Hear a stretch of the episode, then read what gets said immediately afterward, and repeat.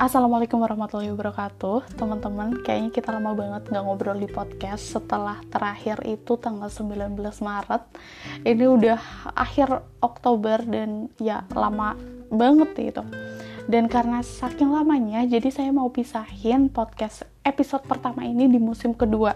Jadi kalau teman-teman mau bedain antara musim pertama sama musim kedua ya inilah pertandanya kayak gitu. Karena setelah lama rehat akhirnya saya mau sharing lagi nih di podcast. Dan kita bakal ngobrolin apa sih di episode pertama musim kedua ini gitu.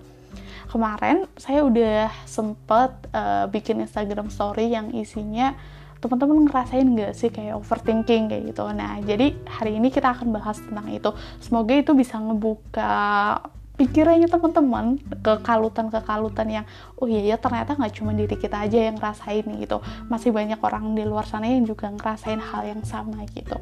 Jadi kita akan ngomongin soal overthinking hari ini Nah ternyata ketika kemarin saya habis baca berbagai sumber kayak gitu kayak referensi-referensi yang masuk ternyata ini tuh bisa kita polakan gitu. Overthinking itu cenderung bisa dialami sama orang-orang yang tipe kepribadian A kayak gitu. Yang membedakan tipe A sama tipe B adalah tingkat kecemasannya. Jadi orang-orang dengan tipe A itu lebih gampang stres, lebih ambisius, mereka lebih intens kayak gitu. Sedangkan orang-orang yang tipe B mereka lebih reaktif, terus enggak gampang panik, terus mereka itu lebih santai. Jadi kayak oh iya ya, se ya udah jalani aja gitu. Tapi mereka memang pernah overthinking tapi nggak sesering yang tipe B ini gitu. Karena tipe B itu cenderung lebih stres lebih gampang cemas gitu.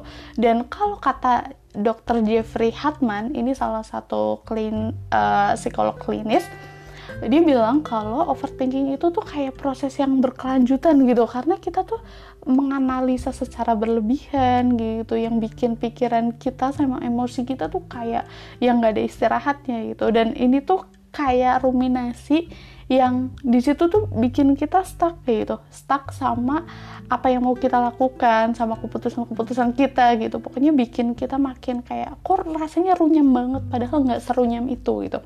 Nah salah satu contohnya saya baca di medium juga ketika kita overthinking itu tuh salah satunya ya, hal paling sederhana contoh. Ketika kita baru mau tidur gitu padahal alarmnya kita mati gitu tapi kita udah mikir wah nanti kalau saya nggak kebangun gara-gara alarm ini gimana ya? Pokoknya kayaknya banyak banget hal yang ada di kepala kita gitu.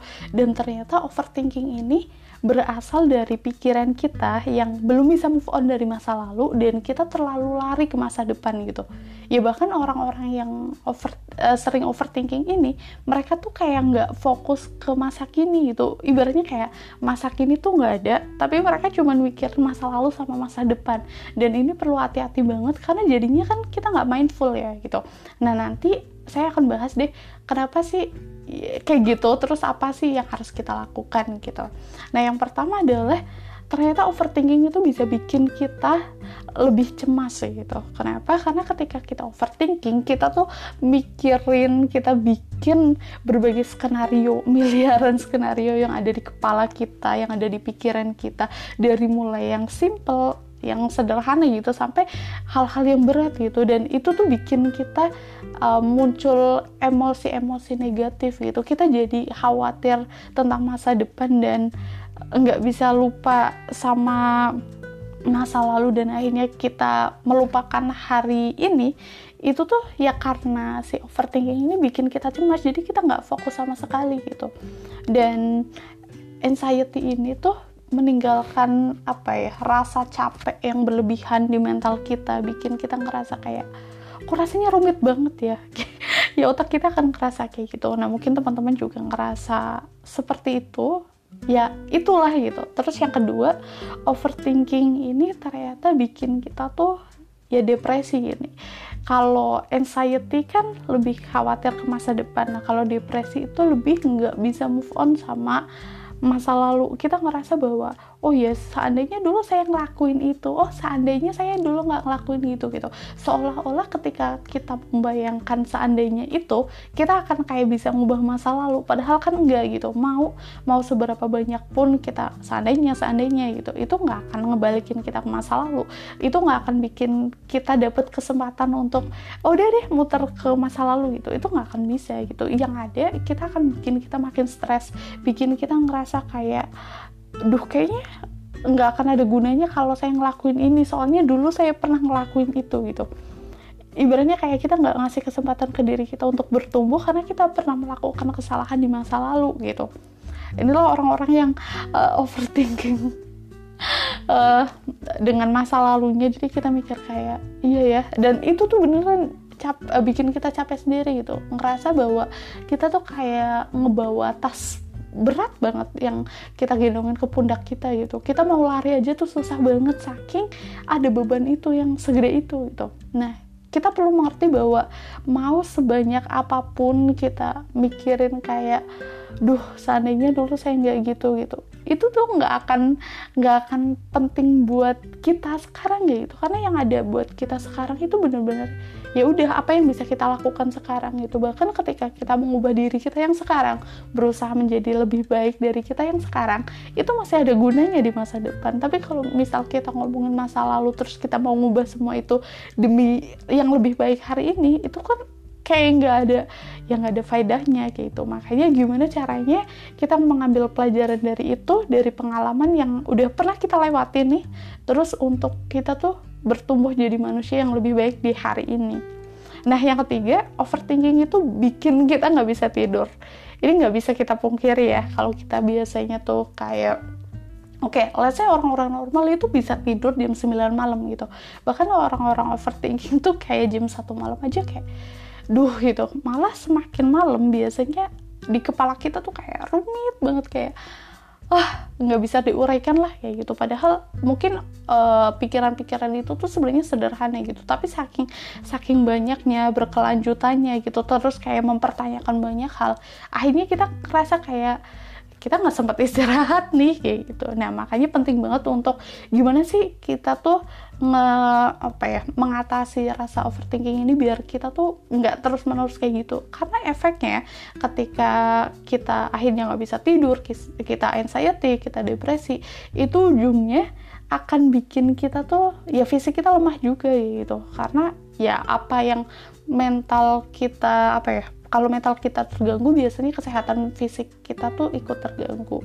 Nah saya mau ngasih tips gimana sih caranya biar uh, overthinking ini seenggaknya berkurang lah ya buat orang-orang tipe A yang sering banget gitu.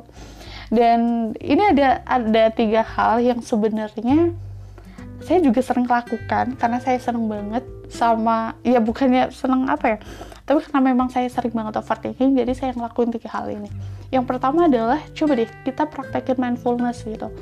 Uh, mindfulness ini tuh kayak uh, teknik kesadaran yang bikin kita tuh untuk di sini kini itu untuk hadir bahwa ya kita tuh ada di sini kita nggak ada nggak tinggal di masa lalu atau kita belum ada di masa depan yang belum tentu datang gitu. Jadi ya udah yuk kita fokus ke diri kita yang sekarang kita mengizinkan pikiran kita untuk apa ya untuk melepaskan hal-hal yang ada di luar kendali kita gitu. Jadi kita fokus aja ya ke diri kita ke apa yang ada sekarang. Biar kita tuh nggak lagi apa ya nggak lagi mengusahakan hal-hal yang kayak itu tuh di luar kendali kita kayak gitu. Kayak ibaratnya masa lalu lah. Itu kan udah ada di luar jangkauan kita. Kita nggak bisa meraih itu lagi gitu. Nah kalau hari ini masih bisa kita raih gitu. Kita masih bisa melakukan hal yang terbaik untuk hari ini gitu. Makanya yuk present moment gitu. Kayak kita fokusnya ke itu. Fokus ke hari ini Nah, mindfulness ini bisa kita latih dari meditasi. Ini sering banget saya lakukan juga kayak pas mau tidur itu meditasi terus kayak latihan napas yang bikin kita ngerasa iya ya kayak gitu kita hidup di masa ini di kin ya di sini kini gitu.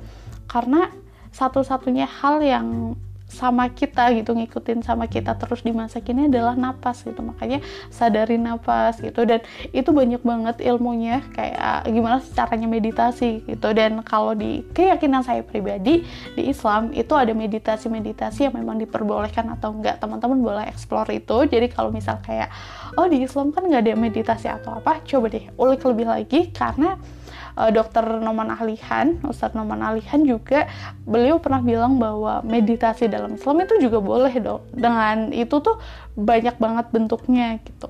Terus yang kedua adalah relaxation teknik. Jadi kita itu latihan untuk apa ya?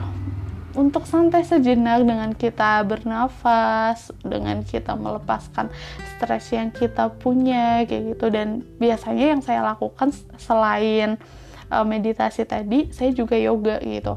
Saya yoga, saya latihan nafas, kayak ibaratnya tuh kayak nafas panjang. Terus itu yang sering saya lakukan kalau misal kayak oh lagi marah nih atau lagi ya ada hal-hal yang di luar kendali yaitu biasanya saya akan kayak tarik nafas panjang terus nanti hembuskan pelan-pelan. Ya gitu gitu. Intinya gimana caranya biar kita tuh relax kayak gitu. Dan ini bisa dilakukan dengan kita kayak yoga atau olahraga yang emang bikin kita tuh uh, hormon kortisol kita tuh uh, lepas kayak gitu. Biar kita ngerasanya lega. Terus yang ketiga cara terakhir ini cara favorit yang saya pakai itu tulisan aja apa yang kita pikirin gitu. Karena kadang ketika semua itu kita pikirin di kepala tuh kayaknya runyam banget gitu. Padahal ketika ditulisin ke sebuah tulisan gitu ya intinya kayak gitu gitu. Cuman kayak gitu bukan cuman sih uh, bukan berusaha menyepelekan tapi ya ternyata cuman ini gitu. Jadi kita nggak nggak cuman sekedar bikin skenario yang ada di kepala gitu. Tapi kita mencantumkan ke tulisan gitu. Nah kalau teman-teman mau apa ya mau rutinin gitu bisa banget dengan kayak journaling kayak gitu. Itu bikin kita tuh apa ya uh, melepas kecemasan yang kita punya terus stres gitu. Dan itu tuh bener-bener mengimprove apa ya social integration kita gitu. Kayak personal relations kita tuh kelatih dengan kita nulisin apa yang kita pikirkan gitu. Coba aja ketika kita mau tidur mungkin kalau yang saya lakukan juga sebelum saya tidur biasanya saya akan nulis kenapa sih? kayak gitu. Kenapa hari ini? kayak gitu. Terus kayak gimana kabarnya hari ini? kayak gitu. Ibaratnya kita coba sadari apa sih yang kita rasakan gitu. Kan kita nggak bisa biasanya ya ketika uh, kita cerita atau ke orang gitu kita nggak akan dapat pertanyaan-pertanyaan yang mungkin kita inginkan gitu. Jadi kenapa nggak kita tanyakan ke diri kita sendiri aja melalui tulisan itu gitu. Dan selain itu biar kita tuh lebih sadar oh ternyata saya kenapa sih ngelakuin hal-hal kayak gini misal atau kenapa sih saya marah misal kenapa sih kita sedih misal gitu. Jadi kayak oh iya ya kita lebih paham sama perasaan kita. Jadi tulisin aja apa yang ada di pikiran kita gitu biar kita nggak nggak stres sendiri gitu. Dan ibaratnya ketika apa yang ada di otak kita udah kita tuangkan ke dalam tulisan tuh kita kayak nuangin apa ya nuangin sampah yang ada di kepala kita gitu. Karena nggak semua hal itu harus kita pikirin. Nggak semua hal itu berhak ada di otak kita gitu. Biar kepala kita juga nggak meledak juga gitu. Makanya ya tulisin aja. Nah kalau misal teman-teman lagi ngerasa wah tapi saya nggak tahu nih apa yang mau kita tulis nih gitu. Biasanya yang saya lakukan itu nge-trigger itu dengan gambar gitu. Karena saya orangnya ini banget ya. Maksudnya kayak suka sama sesuatu yang sifatnya visual gitu ya udah gambar aja. Dan biasanya tuh ya gambar itu serandom itu. Bukan yang kayak mau bikin yang bagus atau kayak gimana gitu. Yang bagus ya boleh gitu. Tapi karena memang apa ya saya merasa bahwa ini cuman apa ya ini untuk menuangkan sesuatu untuk melampiaskan sesuatu ya udah gambar sesukanya gitu. Nah habis itu tulisin deh. Kenapa sih? Kok kan kita jadi kayak hari ini kayak itu pasti ada hal-hal yang mungkin pikiran kita rasakan pikiran kita rasakan. Ah ya gitulah intinya. Jadi kalau misal teman-teman bingung kayak gitu kayak di otak kita tuh apa aja sih yang dipikirin tulisin aja gitu. Dan ternyata oh ternyata ini ya yang saya uh, lagi saya pikirkan. Dengan begitu semoga kita nggak lagi membebani kepala kita dengan hal-hal yang rasanya tuh kayak aduh mumet banget gitu rumit kayak benang kusut yang ada di kepala gitu. Kita uraikan satu persatu. Nah semoga cara ini bisa ngebantu teman-teman juga karena saya udah ngelakuin juga dan cara ini works di saya jadi semoga itu bekerja juga di teman-teman. Next kita akan bahas hal lain lagi. Teman-teman boleh kasih saran apa sih saya harus bahas apa? Nanti kita ngobrol-ngobrol lebih panjang di episode kedua. Semoga ini akan membantu teman-teman semua. Kasih feedbacknya ke Instagram pribadi saya boleh nanti saya cantumkan di uh, kolom deskripsi ya. Terima kasih. Wassalamualaikum warahmatullahi wabarakatuh